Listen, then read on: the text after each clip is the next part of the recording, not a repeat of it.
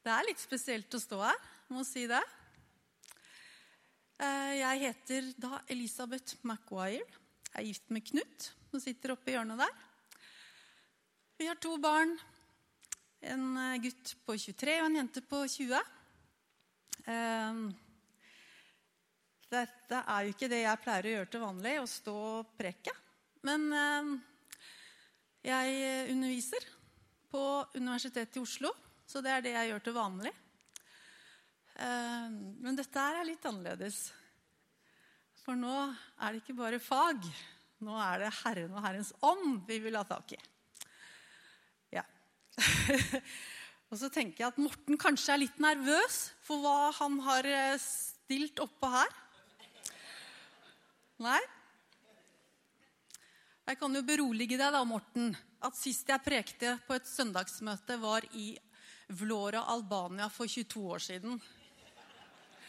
Så da vet dere at det er en dame med stor tyngde og erfaring som står her. Ok. Aktør eller brikke? Hvem er du i ditt liv? Det er det jeg skal snakke om i dag. Eh, det starter kanskje litt sånn eh, alvorlig, og så går det litt nedoverbakke blir bare mer alvorlig. Men så kommer du ned på hoppkanten, og så tar det av. Amen. Og da blir det bra. Men vi må liksom legge grunnlaget, så vi må starte et sted. Og det blir liksom på toppen og litt eh, rusj nedover, da. Men vent, bare vent. Så det her blir egentlig en litt sånn leksjon i selvhjelp. Ja. OK?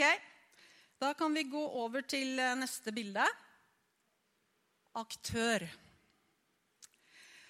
Eh, jeg tenkte jeg skulle Jeg må jo få gjort litt sånn begrepsavklaringer her. Jeg jobber jo der jeg jobber, så jeg er litt opptatt av det.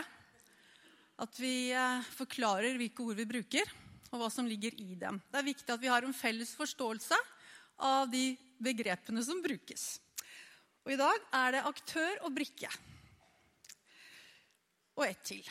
Ehm, men i hvert fall En aktør, det er en person som er indrestyrt, er deltaker i livet sitt, selvbestemmende, er aktivt handlende, får ting til å skje og tar regi, blant annet. Det er en person som bidrar til endring og skaper endring og skaper liv og røre rundt seg.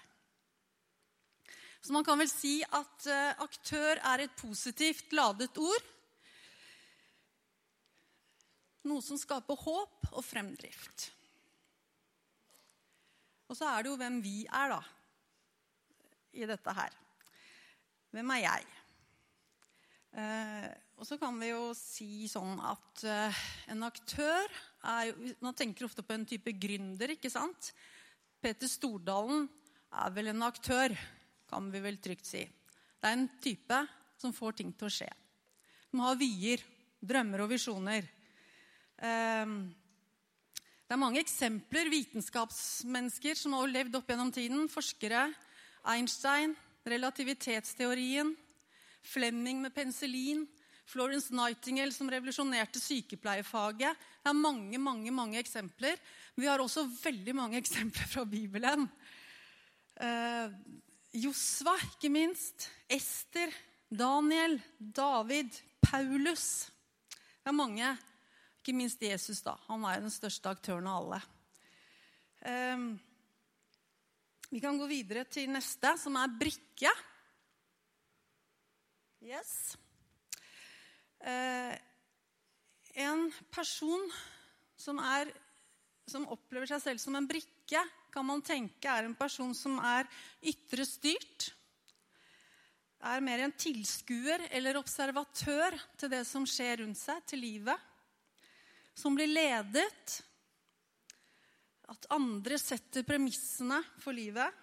For, eh, ja, for liv og laden. Eh, dette med å skal tekkes andre er mer styrt av omstendighetene og styrt av tanker og følelser.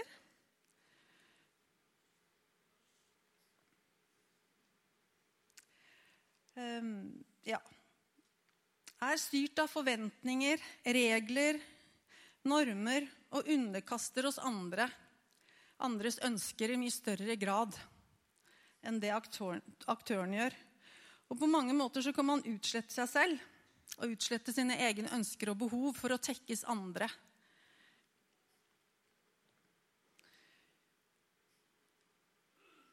Så det autonome mennesket, det selvtenkende, selvstyrte, selvstendige mennesket, det blir undertrykt på mange måter. Du blir rett og slett en dårligere utgave av den du egentlig er kalt til å være. De gavene og de talentene som er lagt ned i deg, får ikke kommet frem pga. alle disse ytre styringene og ytre reguleringene som er lagt på deg av deg selv eller andre mennesker. Og det er ikke det Gud har kalt deg til. Eh, det som skjer når mennesket ligger under for dette og går rundt og opplever seg som en brikke i livet, er jo at til slutt så ender man jo som syk. Fordi man, det som bor i en, blir så undertrykt. Ja. Eh, når dårlige ting skjer i livet, så er det jo en del som kan eh, kalle det for skjebne. Jeg har ikke noe tro på ordet skjebne. Det er noe menneskeskapt. Det er ikke noe skjebne. Vi tar valg, og vi gjør valg. Og uheldige ting kan komme mot oss. Men en, når vi snakker om skjebne, så virker det sånn, I ordet skjebne så ligger det at dette har du ingen kontroll over. Det er bare noe som kommer mot deg, som ikke du kan kontrollere. Men som Guds barn så har vi fått en motkraft, ikke sant? Så vi skal ikke være styrt av noe skjebne. Men vi er styrt av hva Gud tenker og sier om oss, og hvilke planer han har for oss. Og så er det i hvor stor grad vi tillater det å få kontrollere eller ha eh, påvirkning i vårt liv. Da. Eh, I kollektivistiske samfunn så er man jo mye mer preget av en sånn måte å bli formet på. Fordi det er samfunnet, det er familien, det er storfamilien sine behov og ønsker som er viktige. Så individet, eh, individets ønsker og behov er mer underlagt det kollektive. Ok, og Noen eksempler fra Bibelen på det er eh, på mennesker som kan ha vært noen brikker. Er Jobb, f.eks. Eh, og Jonah, da han lå under en terebintre Et rart ord. Vi aner ikke hvordan et sånt tre ser ut. Ja, men det var i hvert fall et tre. Eh, når han da lå under det treet og bare ville dø fordi det som var lagt på han av Gud, var, det, det, ble bare så ekstremt stort for han, han det, holdt, det, det, taklet han ikke. 'Jeg vil bare dø, Gud. La meg dø.' Det, et menneske som har gitt opp. Men den Jonas som går inn i Ninive, det er jo en helt annen type. Da har virkelig Gud fått tatt tak i han, og han har bare bestemt seg for at wow, jeg går, samme hva. Og så skjer det store ting. Eh, vi kan ta neste bilde. Og det er egentlig det siste begrepet her, jeg, før vi begynner å gå inn på andre ting. Dette med selvforståelse det henger jo veldig nært sammen med hvordan du opplever deg. Enten som en aktør eller som en brikke. Og så er det jo ikke sånn at vi bare er det ene eller det andre. Vi går jo litt ut og inn av ting.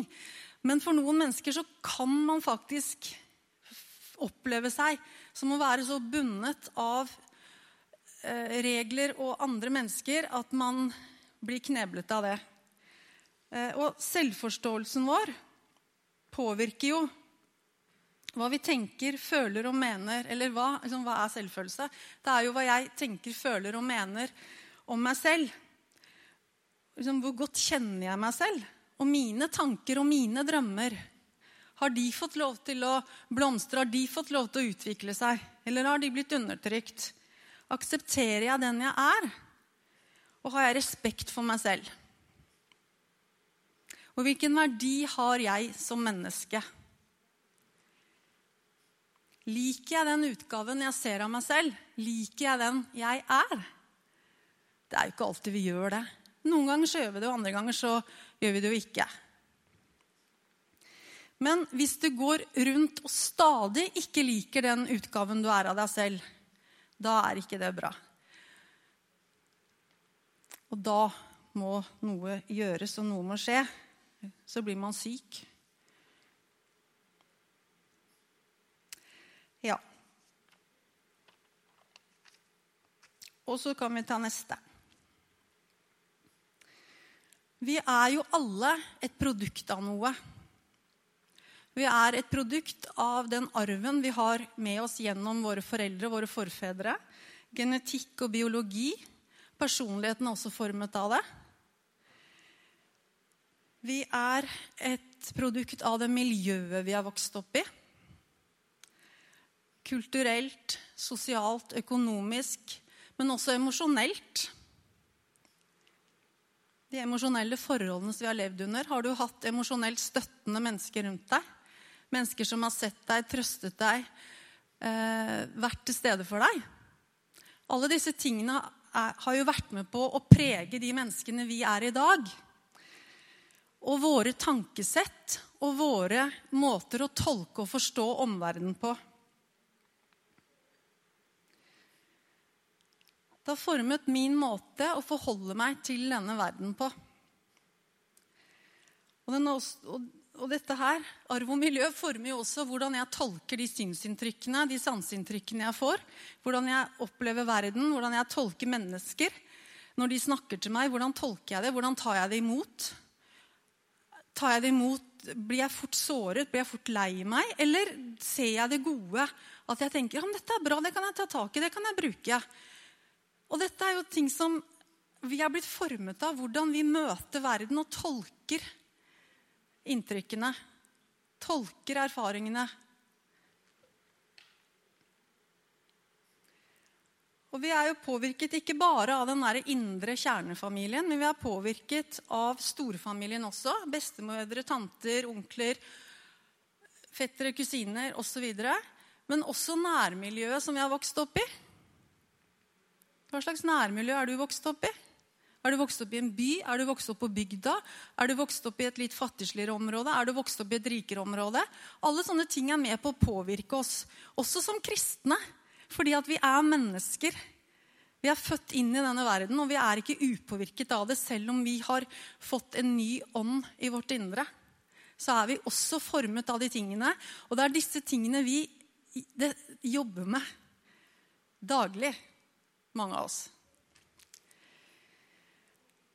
Og i vår vestlige, kristne, humanistiske verden så, har vi jo, så er det jo en tradisjon å tenke individ.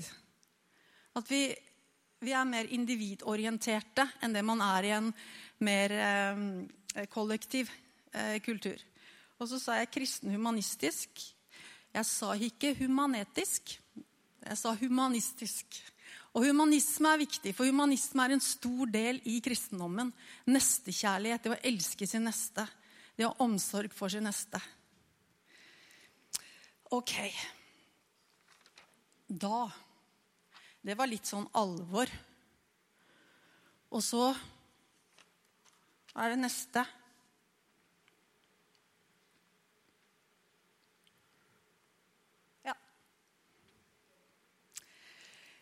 Hvordan blir vi så i større grad disse aktørene da, i livene våre?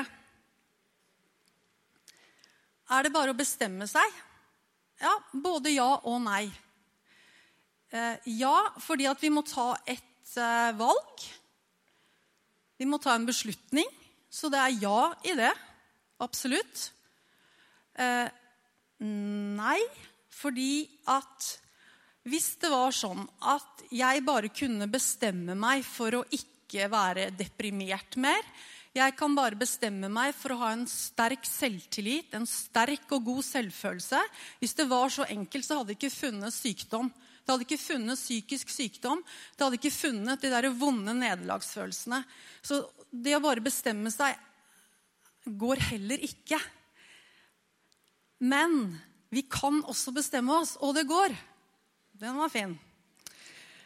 Um, fordi det her dette, denne, disse dårlige følelsene, disse følelsene av nederlag, disse følelsene av ikke fikse, mestre, få til, alle andre er bedre enn meg, Åh, dårlig dag i dag Det ligger jo i tankene og i følelsene våre, ikke sant? Så hvordan kan vi endre dem? Bibelen er full av ord om sjelen og sinnet. Hvorfor det?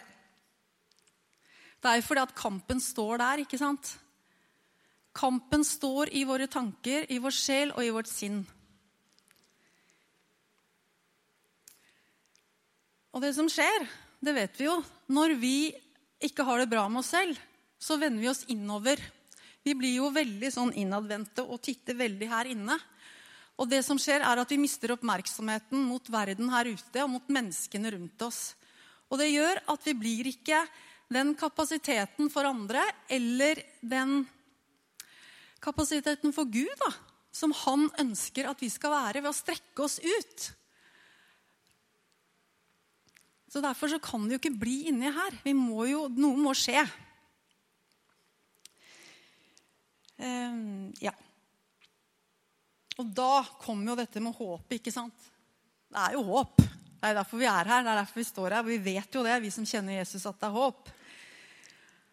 Og det som er så herlig, at vi kan tale til vår sjel og vi kan tale til våre tanker. Fordi at han er. Vi kjenner han som er. Og jeg syns det er så herlig det derre 'han er'. Det rommer alt. Det er ingenting som er utelatt. Han er. Og han får vi lov til å kjenne. Han som har all makt i himmel og på jord. Han som er veien, sannheten og livet. Halleluja. Alt er skapt ved ham, for ham og til ham. Og han får vi lov til å kjenne. Oh, derfor kan jeg med tro i mitt hjerte si at min sjel, vær stille. Mine tanker, vær stille. Underordne dere under Jesus Kristus underordne dere under min ånd, for min ånd er født på nytt. Min ånd er sterk. Min ånd tilhører Gud. Derfor skal du, min sjel, være stille og underordne deg Gud i mitt liv. Amen. Og det funker. I know. Vært både her og der. Og så kan vi ta neste. Ja, det er håp, ikke sant? Ja. Og nå kommer liksom, nå går vi utover hoppkanten her. Og da kan vi ta neste igjen.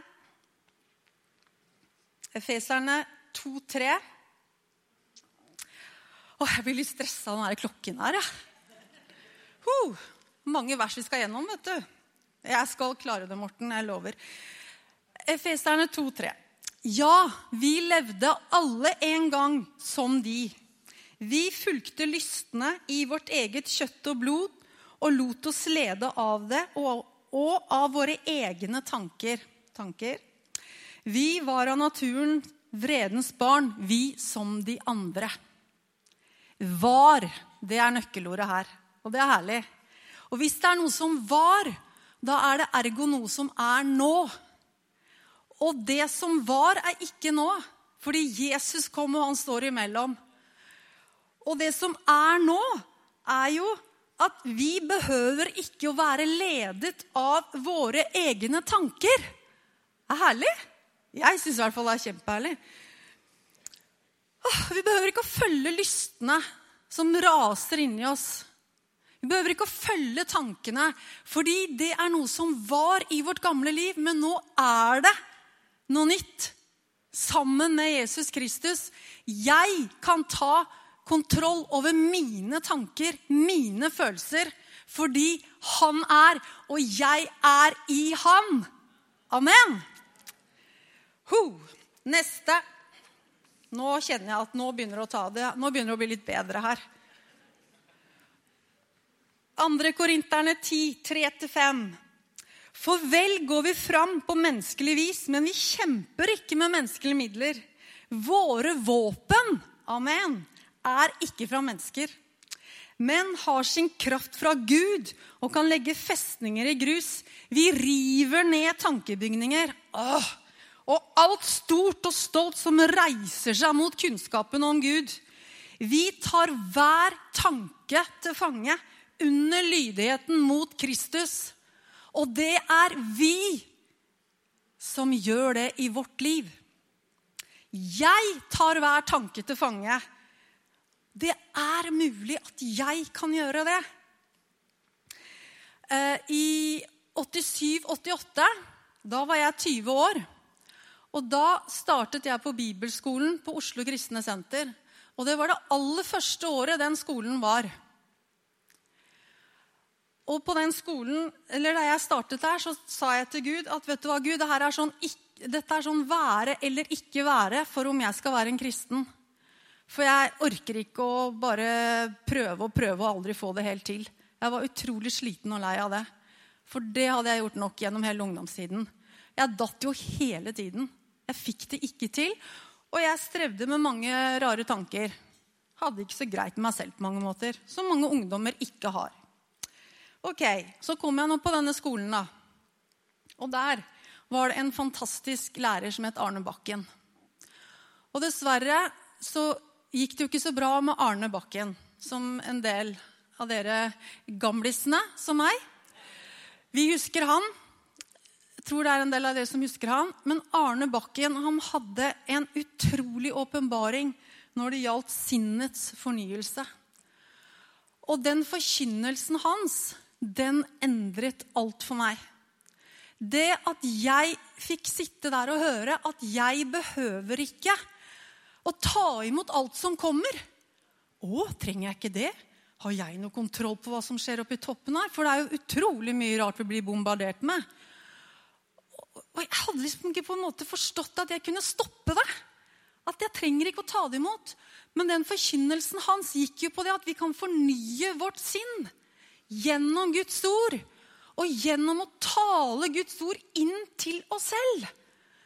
Og det tok jeg til meg, for det ble en sånn ekstrem åpenbaring for meg. Og jeg begynte å stoppe i hytt og pine, det ene og det andre. Men åh, jeg skulle ønske at vi alle fikk tak i det, altså, for det er en så styrke der. Og det er jo ikke sånn at jeg alltid har grepet det, eller lever i det. For jeg har grepet det, tror jeg, men jeg lever jo ikke alltid i det. Men Ja, vi går videre.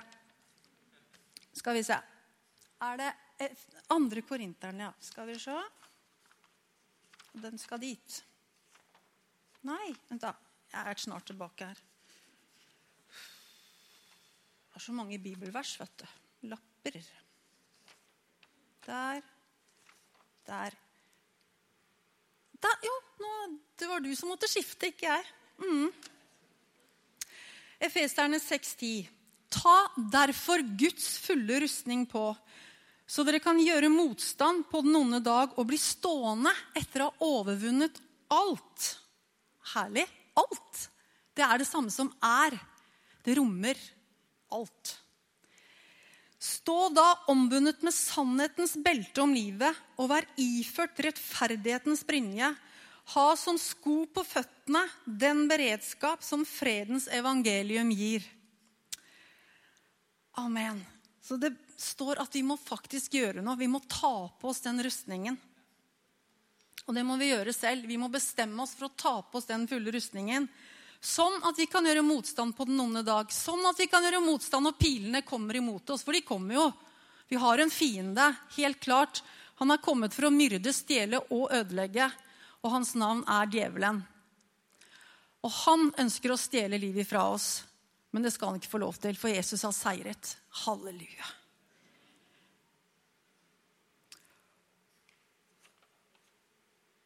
Og så kan du fortsette videre på Efeserne. Efeserne 6, 10-17. Grip fremfor alt troens skjold, som dere kan slokke alle den onde, ondes brennende piler med. Ta, ta frelsens hjelm og åndens sverd, som er Guds ord. Tal Guds ord til deg selv. Det funker. Bekjenn Guds ord. Jeg er sterk i Han som gjør meg sterk. Jeg er sterk fordi at Jesus Kristus bor i meg. Jeg er født på nytt. Min sjel er født på nytt. Jeg er ikke underlagt djevelens lumske piler eller angrep. Jeg er Guds barn, og ingen, ikke noe ondt skal ramme meg. Sånn, sånn må vi gå og snakke til oss selv. Og når du kjenner at alt er helt svart, da er det viktig at du begynner å bekjenne Guds ord. Taler det ut, for det er medisin i det. Ja, Det er ikke noen sånn happy-clappy-kristen som står her og bare sier det her for at det er så innmari enkelt. For det er jo ikke det. Men det, det virker. Og vi må gjøre det, for det er det våpenet Gud har gitt oss. Guds ord er våpenet. Og vi må fylle oss med Guds ord, og vi må bekjenne Guds ord. Vi må si det høyt. Takk for at dere sier det.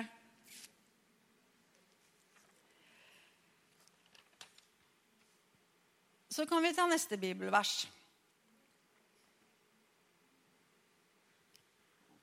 Ja, jeg har riktig her, ja. For Guds ord, hebreerne 4, 12-16. For Guds ord er levende og virkekraftig og skarpere enn noe tveget sverd. Det trenger igjennom til det kløver sjel og ånd, marg og ben, og dømmer hjertets tanker og planer. Guds ord avslører Guds ord setter lyset på våre tanker og våre planer og dømmer det. Elisabeth, kanskje du skal korrigere litt på det der. Eller Elisabeth, kjempebra. Stå på med det der. Gå på videre. For han er der òg, ikke sant? Det er jo ikke bare eh, jeg tenker Det er ikke bare når du har det dårlig at du skal bekjenne Guds ord. Det er jo når du er glad og liksom, livet er herlig og smiler imot deg, og det jodler, og det er alt, liksom. Da skal vi også prise og love og Herre Jesus, at du er min hyrde. Halleluja! Du leder meg til hvilens vann for ditt navns skyld, Herre. Du lar meg ligge i grønne enger. Åh, om jeg så vandrer i dødsskyggens dal, så frykter jeg ikke for noen ting. For du, Herre, du er med meg. Din kjepp og din stav, det trøster meg. Halleluja! Takk for at jeg står plantet i ditt ord, Herre. Yeah. Uh. Der skal vi også bruke Guds ord, når vi er der. Ja, For det er når vi er her nede og begynner å tale Guds ord, da havner vi her til slutt. Vi gjør det. Herren han hjelper oss til å se, sånn at vi kan jobbe med det vi skal jobbe med, og takke for det vi skal takke for. Og, ja. Fikk jeg lest ferdig her? Nei, jeg tror ikke det. Eh, ingen skapning er skjult for ham. Alt ligger åpent og nakent for øynene på ham som vi skal stå til regnskap for. Han kjenner alt. Han kjenner alt vi driver med. Det er bra. Det er veldig bra. For da kan han komme inn og 'Elisabeth, var kanskje ikke så lurt, det der.' Kanskje du skal endre litt på tankene dine om han eller henne. eller... Det er, som, å, det er, så godt med noen som veileder oss til sannheten. For det er det han driver med. Veileder oss den hele og fulle sannhet. Om oss selv og om andre mennesker. Og så kan vi ta Hebreerne 4, 12-16. Ja, vi er der. Siden vi har en stor øversteprest som har gått inn gjennom himlene, Jesus Guds sønn, så la oss holde fast ved bekjennelsen. For vi har ikke en øversteprest som ikke kan lide med oss i vår svakhet. Er ikke det herlig? Han er der i vår svakhet. Men en som er prøvet i alt, på samme måte som vi, men uten synd. Tenk på det. Jesus er prøvd i alt på samme måte som oss. Og det har vært en utrolig trøst for meg. Det verset her sånn, det har jeg bedt ut når jeg syns ting har vært vanskelig. Å, Jesus, takk for at jeg har deg som øverste prest. Du lider med meg når jeg har det kjipt nå. Men halleluja, du er med meg gjennom det hele, og du har prøvd det, du også. Men uten synd. Det er en herlig trøst. Ja, Amen. Og så er det Filipperne 4,7. Og Guds fred, som overgår all forstand, skal bevare deres hjerter og deres tanker i Kristus Jesus. Amen.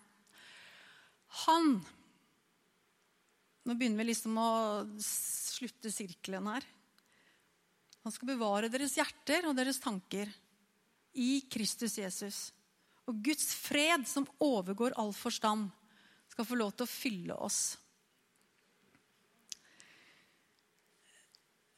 Bare ta et sånn eksempel. Eh, på fredag så våknet jeg, og det var ganske mørkt inni meg. Det var en sånn skikkelig sånn kjip følelse. Det har vi alle opplevd. Men det er utrolig ekkelt når det er sånn. Du våkner, og så er det veldig sånn mørkt og tungt og svart inni deg.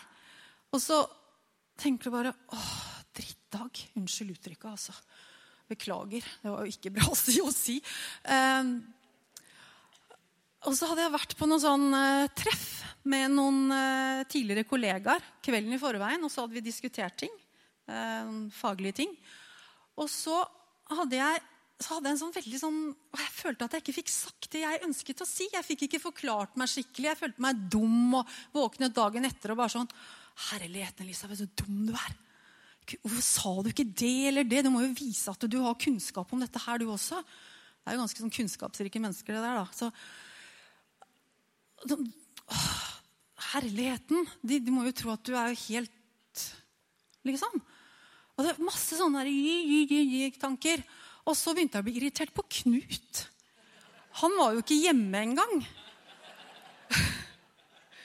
Og så var jeg grinete på hunden vår, for han gikk for sakte. Det var en ordentlig ekkel lag. Og så tenkte jeg på Elisabeth, hva er det du skal snakke om på søndag? Eh, om sånn tanker om eh, ekle følelser, og at man må bekjenne, og så skal de bli borte. Og, ja, ok, greit. Kanskje du skal begynne med det, da. Der, det selvsnakket, det er viktig. For vi mennesker vi har jo et enormt rom inni oss. Og vi snakker jo med oss selv veldig, veldig mye. Det selvsnakket det er kjempeviktig. Det er en veldig viktig del i oss mennesker. Det å snakke med oss selv. Og hvis du bare går og snakker høyt med deg selv, er kanskje ikke det så veldig heldig. Men noen av oss gjør jo det en del òg. Men i hvert fall det der å, å, snakke med seg selv. For jeg tenker at den indre stemmen, det er den som driver oss. For det er den som er eh, preget av Gud òg. Den hellige ånd, eller vår ånd, bor jo i oss. Og hvem ønsker vi skal prege vår stemme? Sjelen vår eller vår ånd? Og så er det litt sånn frem og tilbake. da. Men vi ønsker jo at vår ånd skal prege den mer og mer. Og for at vi skal kunne lære oss å lytte til hva Den hellige ånd har å si, så må vi jo være stille også.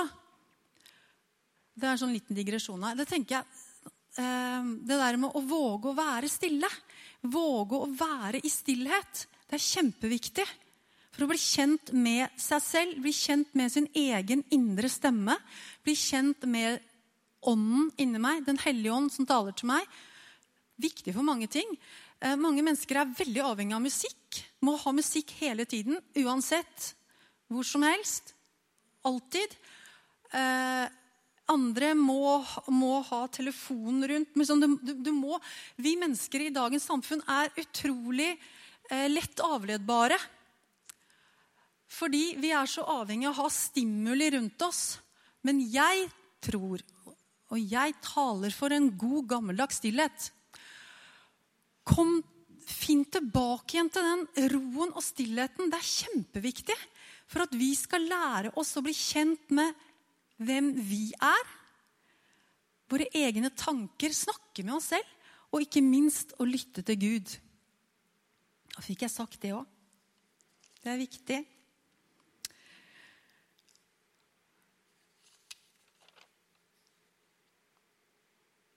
Ok.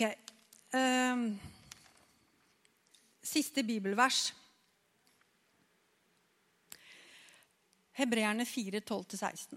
La oss derfor frimodig tre fram for nådens trone, så vi kan finne barmhjertighet og finne nåde som gir hjelp i rette tid. Ergo. Vi må gjøre en aktiv handling. Vi må gå frem for nådens trone og søke nådens trone. Og vi kan gjøre det med frimodighet, fordi at Jesus døde for oss. Han tok vår synd og vår skyld og vår straff på seg. For at vi med frimodighet kan komme fram for Herrens åsyn. Det er helt fantastisk. Helt fantastisk. Og Bibelen sier at 'jeg er ren, jeg er hellig, jeg er rettferdig gjennom Jesu Kristi blod'. Halleluja. Um, og så var det den der aktør og brikken, da. Selv om du kanskje føler deg som en brikke mange ganger, og noen mennesker har vokst opp i miljøer som har gjort at man har inntatt en rolle hvor man ikke har fått ut sitt fulle potensial fordi man har blitt kneblet, egentlig. Det kan være av foreldre, det kan være av andre personer rundt en. Men vi kan være aktører i våre liv på grunn av Jesus Kristus, alle sammen. Uansett hva vi har av bagasje, uansett hva vi har av erfaringer og fortid, så har Jesus kalt oss ut til frihet. Han har kalt oss til å være aktører i våre liv. Og han har gitt oss kraft fra det høyeste til å klare det. Det som menneskelig sett ikke går, det går på grunn av Jesus Kristus. Så jeg, den jeg er, kan være en gjører og ikke bare en hører. Det rimte. Jeg kan være en gjører og ikke bare en hører. Og jeg vil være en gjører. For hvis vi bare er hørere, så sakker vi bakover. Du kan ikke i livet bare stå på samme plass og bli værende på den plassen. Det er sånn at enten så går du fremover, eller så går du faktisk bakover. Og vi ønsker å være de som går fremover. Og det kan vi være pga. Efeserne 1.23. Dette er et av mine yndlingsvers i Bibelen. Det står noe litt før, og så står det til slutt. Fylt av Ham som fyller alt i alle. Er ikke det fantastisk? Alt i alle. Han som fyller alt i alle, da mangler vi ingenting. Halleluja. Og jeg bare kjente at det her skulle jeg snakke om. Fordi jeg tror det er viktig for oss alle sammen. Og så er vi forskjellige. Så vi er litt Noen er mer aktører, og andre er litt mer de brikkene. Nå er jo dette bare tegnelser jeg bruker jeg, den, jeg, hadde den boken på pensum, 'Aktør eller brikke'. Nygård heter mannen som har skrevet den. Eh, da jeg studerte. Det er noen år siden. da. Eh, men den gjorde litt inntrykk på meg. Det, liksom, det, traff meg, det der med aktør og brikke. Jeg tenkte ja, det der det gir mening. Eh, jeg håper det her har gitt noe mening for dere også. For nå begynner vi å gå til en avslutning her. Mm. Eh, men det her med å tale til sitt indre nå er jeg på overtid, Morten. Sorry. Men vi, vi avslutter nå. Eh, det her å tale til sitt indre, det virker, men vi må jobbe med det. Det er en kontinuerlig prosess som vi aldri blir ferdig med. Ikke før vi er der. Da kan vi hvile. Da kan vi puste ut. Nå er det sikkert nye oppgaver som ikke vi vet om. Herren, det var jo det jeg sa, Vi kan ikke bare stå stille. Da går vi tilbake. Det er sikkert masse fint vi skal gjøre der oppe spennende. For det er kjedelig å ikke gjøre noen ting. Det er veldig kjedelig.